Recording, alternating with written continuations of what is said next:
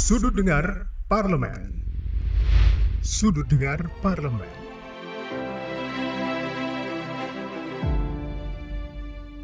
Halo, apa kabar pendengar radio dan pemirsa TVR Parlemen, juga tentunya pendengar RRI Pro 3 di mana pun Anda berada. Kita jumpa lagi dalam program Sudut Dengar Parlemen, sebuah podcast yang memotret persoalan dari sudut dengar yang sebenarnya.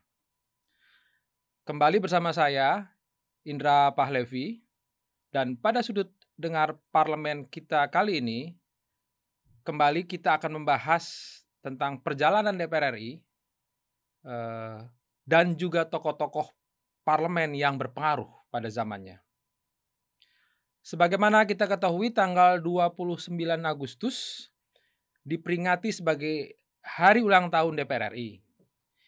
Ini mengingatkan pada tanggal tersebut di tahun 1945 terbentuklah lembaga parlemen pertama di Indonesia pasca proklamasi kemerdekaan yaitu lembaga Komite Nasional Indonesia Pusat. Namun sesungguhnya sejarah mencatat sebelum Indonesia merdeka itu telah berdiri lembaga perwakilan yang dibentuk oleh pemerintah kolonial Hindia Belanda yang disebut sebagai Dewan Rakyat atau dalam bahasa Belanda disebut Volkskrant. Ya. Nah, lebih jauh kita ingin tahu apa sesungguhnya peran dan fungsi lembaga Volkskrant dan juga tentunya KNIP serta siapa saja tokoh-tokoh yang penting dan berpengaruh dalam lembaga parlemen di era pra dan pasca proklamasi kemerdekaan Indonesia tahun 1945. Kita akan membahasnya bersama narasumber kita, seorang sejarawan yang hari ini sejatinya adalah ini langka ini. Bapak Dr. Anhar Gonggong. Selamat uh, siang Pak Dr. Anhar.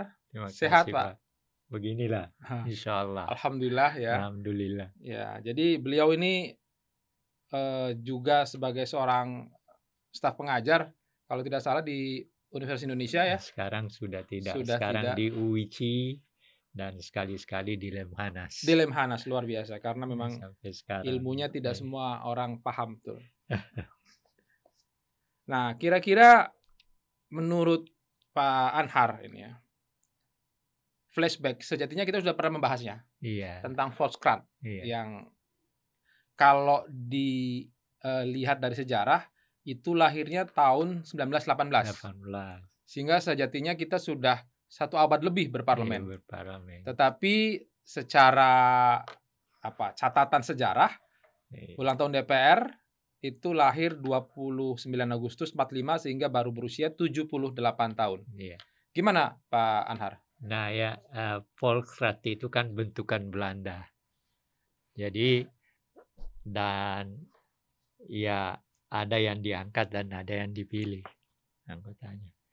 Nah kalau singkatnya sebenarnya tidak sepenuhnya berfungsi sebagai perwakilan rakyat. Uh, lebih berfungsi sebagai penasehat. Penasehat iya. pemerintah kolonial. Kolonial, gubernur jenderal. Tapi walaupun begitu, uh, tetap mempunyai fungsi tertentu. Misalnya uh, anggotanya memang lebih banyak orang Belanda, tapi uh, nanti ada juga orang kita seperti Tamrin, mm -hmm.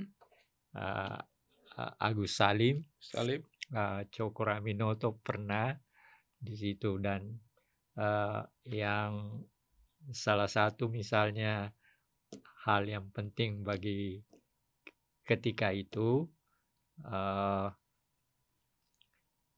Tamrin terutama mempersoalkan persoalan agraris, agraria. Agra pertanahan. Uh, pertanahan. Lalu Agus Salim mengejeknya dengan, nah ini kan kita datang dikasih honor tapi kita cuma omong melulu nggak ada ada persentase nggak jumlah uh, pribumi yang diangkat atau bahkan dipilih ad, ada ada juga ada sekian banyak lupa saya berapa persentasenya tapi ada yang dipilih, Mm-mm. ada yang diangkat. Iya, itu memang seperti itu. Nah, eh, tapi terlepas dari itu, eh, walaupun eh, dikatakan seakan-akan tidak punya fungsi dalam batas tertentu, ada juga fungsinya. Misalnya sebagai satu contoh, ketika Bung Karno keluar dari penjara, Ya. maka datanglah eh, Tamrin menjemput sebagai anggota Volksrat. Mhm. Nah, tapi dihalangi dia, marah dia. Nah, Yang menghalangi Belanda. Belanda. Oke. Nah, menga- tidak boleh.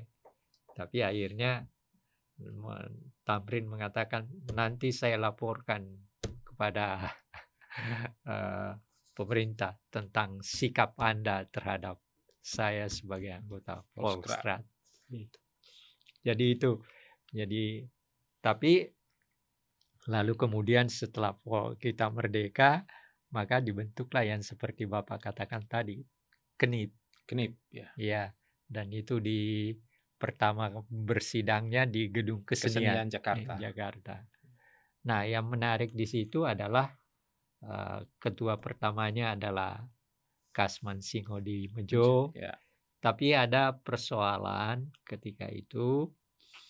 Lalu kemudian eh, karena dianggap terlalu besar, lalu oleh karena itu harus diadakan perubahan. Lalu eh, waktu itu Sahrir itu dianggap orang yang menolak kenip, Dianggap oleh siapa? dianggap oleh eh, politikus-politikus Yang waktu lain. itu karena memang dia tidak mau terlibat waktu Awalnya. awalnya kan. Tapi Nyonya Mangun Sarkoro ini ada yang mengatakan memang dia sangat dekat dengan Sahrir, ada juga dia mengatakan bahwa mungkin pengaruh PSI atau padahal dia uh, suaminya uh, PNI. Ya.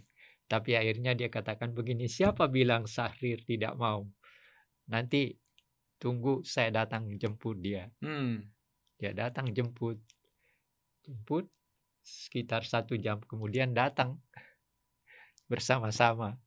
Nah, mulailah di situ Sahrir masuk, Mulai lalu kemudian karena jumlahnya sekian banyak, lebih dari 200 orang, kan tidak bisa bekerja. Ya. Akhirnya dibentuklah Badan badan, pekerja. badan Tapi itu pekerja. sudah dibentuk eh, semacam fraksi-fraksi saat itu. Eh, saat itu memang sudah ada anggota-anggota dari ini, dari ini, dari ini. Dan itu Berdasarkan dia pemetaan berdasar itu. pemetaan itu. Oke. Maka eh, Sahrir kemudian menjadi ketua eh, BP. BP. Ya.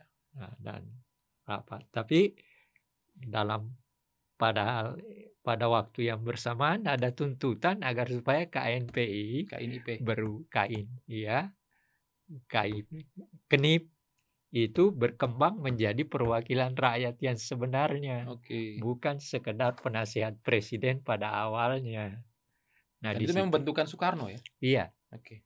Me- Memang waktu itu kan situasinya, lalu awalnya KNIP itu hanya penasehat presiden. Tapi kemudian berkembang karena diangkat dari macam-macam partai, Mm-mm. akhirnya diterima sebagai uh, perkembangannya kemudian sebagai Dewan Perwakilan Rakyat, Rakyat. tanda kutip Tanda kutip. tanda kutip waktu itu. Dan di situlah mulai Natsir, kemudian bukan Natsir, eh, Sahrir berkembang, akhirnya dia diangkat menjadi Perdana Menteri pertama, Syahrir. Jafar Sahrir. Nah, ada yang satu hal yang saya mau katakan pada Anda. Yang hebat pada para pemimpin kita ini, mereka adalah orang-orang yang bekerja, berpikir dengan konsep yang jelas. Iya. Tadi sudah disampaikan Iya. ada keinginan dari hanya sebagai penasihat presiden lalu ingin menjadi lembaga perwakilan Iya. sesungguhnya. Nah, kira-kira seperti apa ceritanya? Setelah itu maka berkembang tuntutan dan diterima. Misalnya ada ketika Nazi, eh, ketika Sahrir eh, menjadi perdana menteri, kan terjadi persoalan lagi. Ya. Persoalannya adalah kita menempuh dengan diplomasi atau dengan perang Perang. sebagaimana yang dikehendaki oleh Tan Malaka. Ya. Jadi ada dua ada dua kubu. Kubunya Sahrir, kubunya Tan Malaka. Nah, tapi dalam perkembangannya kemudian Sahrir berhasil mengadakan perjanjian dan Hmm. hasilnya adalah Linggarjati. Nah, dalam sidangnya di Malang eh, terjadi eh, persoalan membicarakan Linggarjati, diterima atau ditolak. Mhm. Nah, sebagian sebenarnya malah sudah ada yang membuat perpu Iya. anggota itu untuk eh, me- membatalkan itu, tapi kemudian eh, Soekarno juga sependapat dengan itu, tapi akhirnya Hatta datang dan berpidato. Ya, intinya saudara menolak eh, Linggarjati atau pilih Soekarno Hatta. Jadi pilihannya itu. Hatta mengatakan kalau saudara menolak piagam apa eh, Linggarjati berarti Anda pilih presiden dan wakil presiden yang lain. Iya, iya. dan akhirnya ya ti- tidak jadi. Akhirnya Iya. malah waktu itu eh, Parada Harap dan lain sebagainya datang ke Hatta. Dan semua orang terkaget-kaget sebenarnya mendengar bahwa Hatta bisa berbicara Mhm. sehebat itu Ya. yang baru pertama kali pada yang mereka dengar bahwa seorang Hatta sejak dari dulu tidak seperti itu pidatonya Biasanya dia lebih smooth, Eh, lebih, lebih smooth, lebih dialogis. eh, dialog eh, seperti eh, memberi kuliah lah. Iya, iya. Nah, akhirnya tapi ketika itu berapi-api Iya, dan akhirnya diterima terima ya. gitu. Jadi eh, seperti itu. Akhirnya nanti dalam perjalanannya kemudian nanti akhirnya melahirkan apa yang disebut dengan kemudian perjanjiannya kan Sahrir sampai tiga kali jadi perdana, menteri ya. gara-gara persoalan itu tapi terlepas dari itu eh, karena memang persatuan perjuangan di bawah pimpinan Mhm. Tan Malaka ini sangat anti kepada cara diplomasi pokoknya kita boleh berbicara dengan Belanda setelah 100% merdeka Jadi dianggap waktu itu belum 100%. belum Karena belum ada pengakuan ya. belum ada pengakuan kan Hmm. Nah, Sahrir berpendapat dengan kesediaan Belanda duduk bersama dengan kita, itu artinya Belanda Sudah secara de mengakui. facto mengakui kita. De jure memang belum, tapi de facto dia sudah mengakui kita. Itu saja sudah langkah yang Artinya maju. sudah mau duduk bersama. Duduk bersama dan itu Oke. pengakuan Pengakuan de facto. de facto. Iya. Tapi gengsinya tinggi mungkin Belanda ya. Iya. Ya. Tapi akhirnya ya singkatnya setelah melalui berbagai kan terjadi di, di samping diplomasi Belanda juga melakukan berbagai tindakan militer kan. Iya, agresi. Agresi pertama, kedua dan iya. seterusnya. Nah, tapi agresi kedua itu menunjukkan sering begini, Pak. Sering terjadi sejarah itu peristiwa sejarah terjadi Mhm. oleh karena kebodohan orang pinter. Ini menarik nih. Oleh karena kebodohan orang pintar. Iya. Coba bayangkan, Pak. Belanda mengatakan pada kita bahwa dia akan kembali menjajah kita. Kan tidak mungkin. Ya. Sepandai apa pun dia, Betul. tapi tindakan itu adalah tindakan bodoh. bodoh. Itu sebabnya maka saya sering menggunakan istilah itu. Iya. Orang pinter yang bodoh. Si Belanda ini ya. Iya Belanda dalam pengertian. Walaupun kelihatannya dia merasa benar, dia merasa akan menang, Menang. tapi gagal kan. Betul. Eh, wah, nangkap Soekarno, nangkap Hatta, atau malah pernah dikerangkeng dan Iya. sebagainya. Tapi kan gagal akhirnya. Karena Iya. apa? Nah di sini, di sini eh, persoalannya berakhir karena Amerika. Jadi kita itu Pak, Hmm. dalam beberapa hal memang tidak terlepas dari campur tangan Amerika. Sejak zaman dulu ya. Nikah itu ya. Eh, Seperti misalnya kita diaku eh, berjalan ke berbagai perundingan untuk sampai KMB iya. itu karena campur Campur tangan tangan Amerika.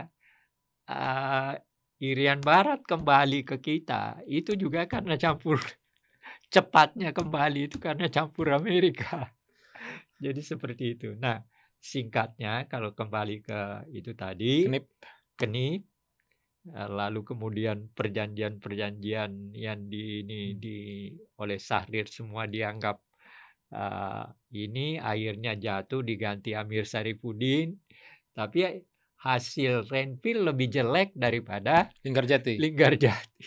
Oke. Nah, akhirnya jatuh terjadi ada ada peristiwa terjadi yang disebut dengan peristiwa Madiun. Madiun itu. tahun 48 ya. tahun 48. Tapi terlepas dari itu prosesnya diplomasi berjalan akhirnya lewat Rumroyen setelah Hatta ditangkap tapi eh, kesulitannya apa Pak?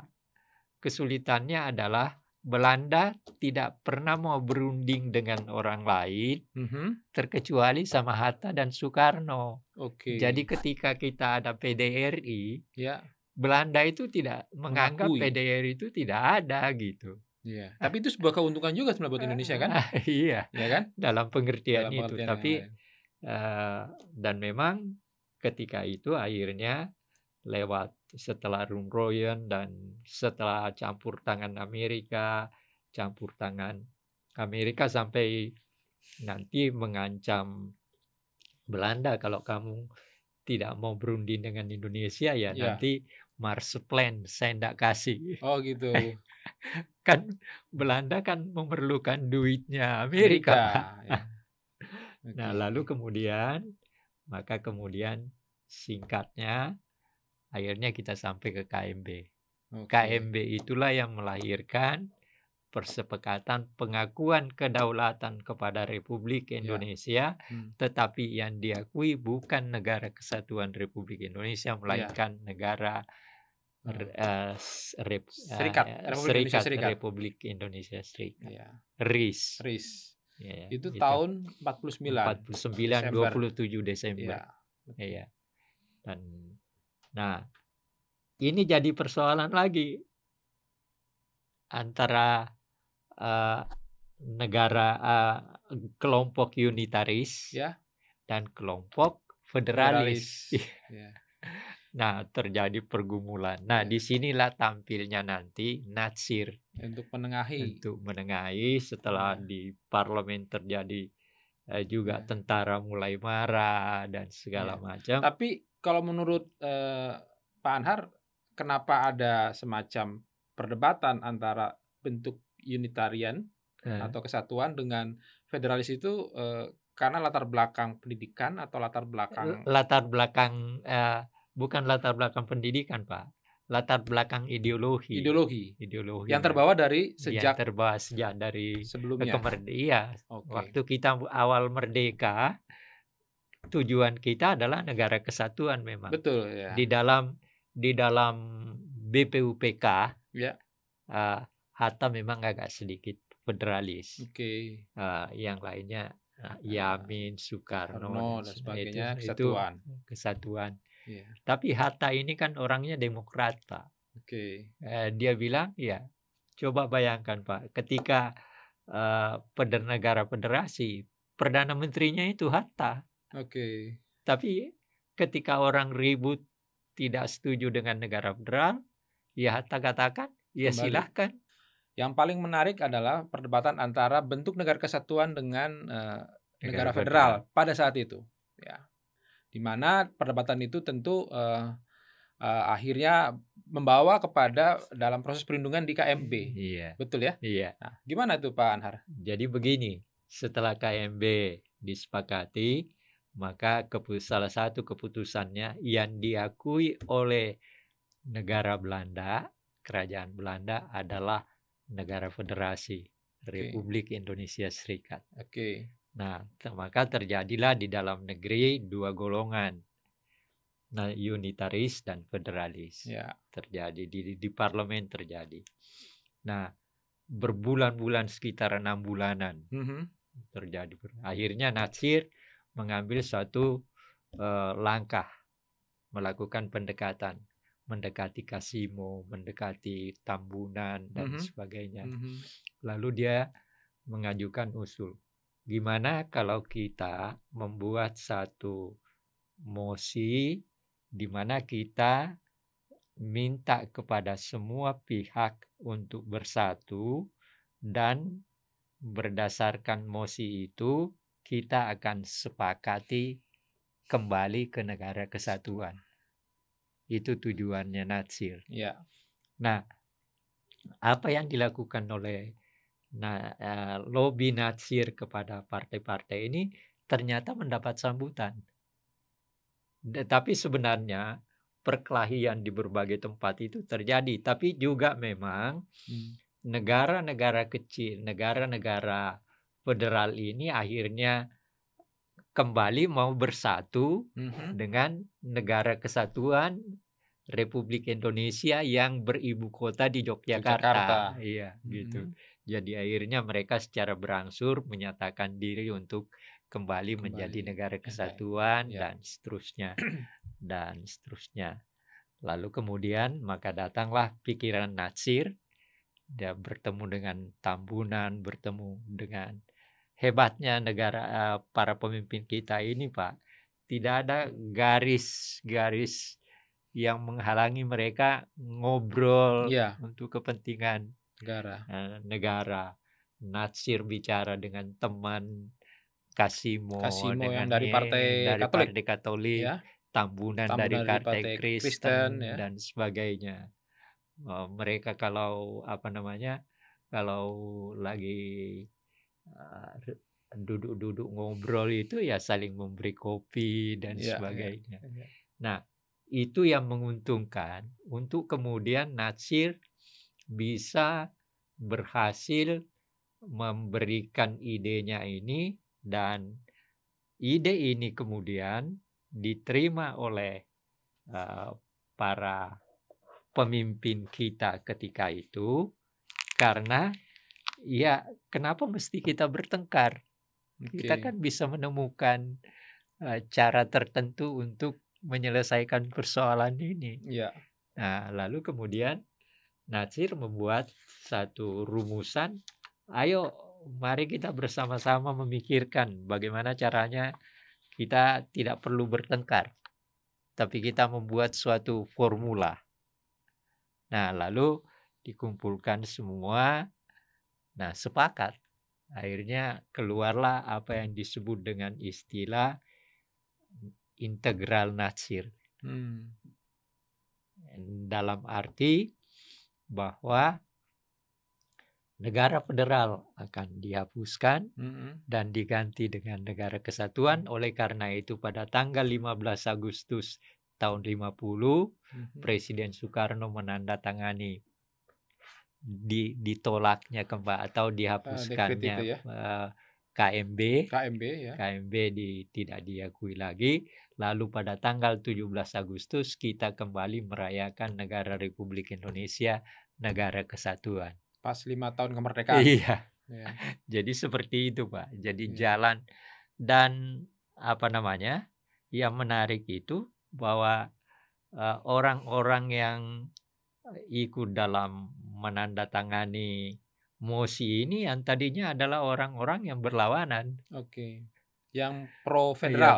federal, Ya. akhirnya juga datang dan bertanda tangan sepakat mendirikan Tapi negara satu kesatuan. sebab utama eh, hasil dialog dan pendekatannya Natsir itu mengapa mereka akhirnya eh, mau kembali ke negara kesatuan? Apakah memang di dalam bentuk negara federal yang sejak kemerdekaan beberapa hari proklamasi sehingga hingga tahun 50 ya, Iya. itu ada kelemahan mendasar dari sistem itu. Eh, eh, me- se- memang kan persoalannya Pak, sejak dari awal kita itu anti negara federal. Betul. Nah, lalu eh, tapi dipaksakan oleh Panmuk kan. oh, Fanmuk ini yang jadi Fanmuk, bikin ya, biang keroknya iya. mungkin Famuk ini ya. Pam- biang biang kor- dia nah itu juga menurut uh, ini ide Agung Anak Agung dalam bukunya dari negara federal ke negara kesatuan. Iya. Yang dikatakan oleh eh, ide Agung adalah bahwa gagalnya negara federal ini adalah oleh karena strategi yang salah dari Belanda dari Van Mook. Iya dari Van Mook. Dari ya. Van Mook. Hmm, hmm.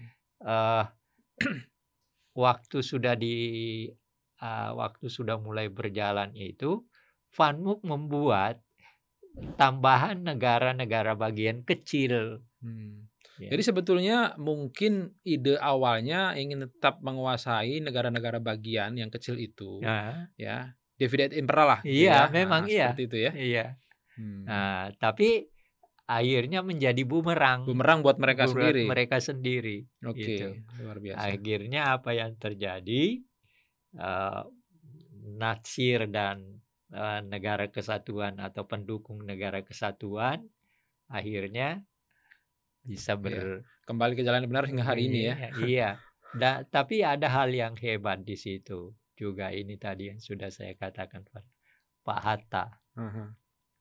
Pak Hatta mengatakan ya karena kita sudah anda-anda atau kita semua mengendaki negara kesatuan, uh -huh. ya saya sebagai perdana menteri setuju maka dia menandatangani persetujuan sebagai perdana menteri RIS dan Dr. Halim sebagai Perdana Menteri Republik Indonesia ya, Yogyakarta.